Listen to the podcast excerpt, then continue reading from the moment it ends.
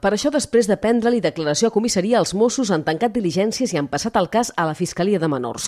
Unes diligències que inclouen la declaració de la víctima i de diversos testimonis. Els fets es van produir la nit del 12 al 13 de juny durant la festa major del municipi, que després de fer-se pública l'agressió va convocar una concentració de rebuig.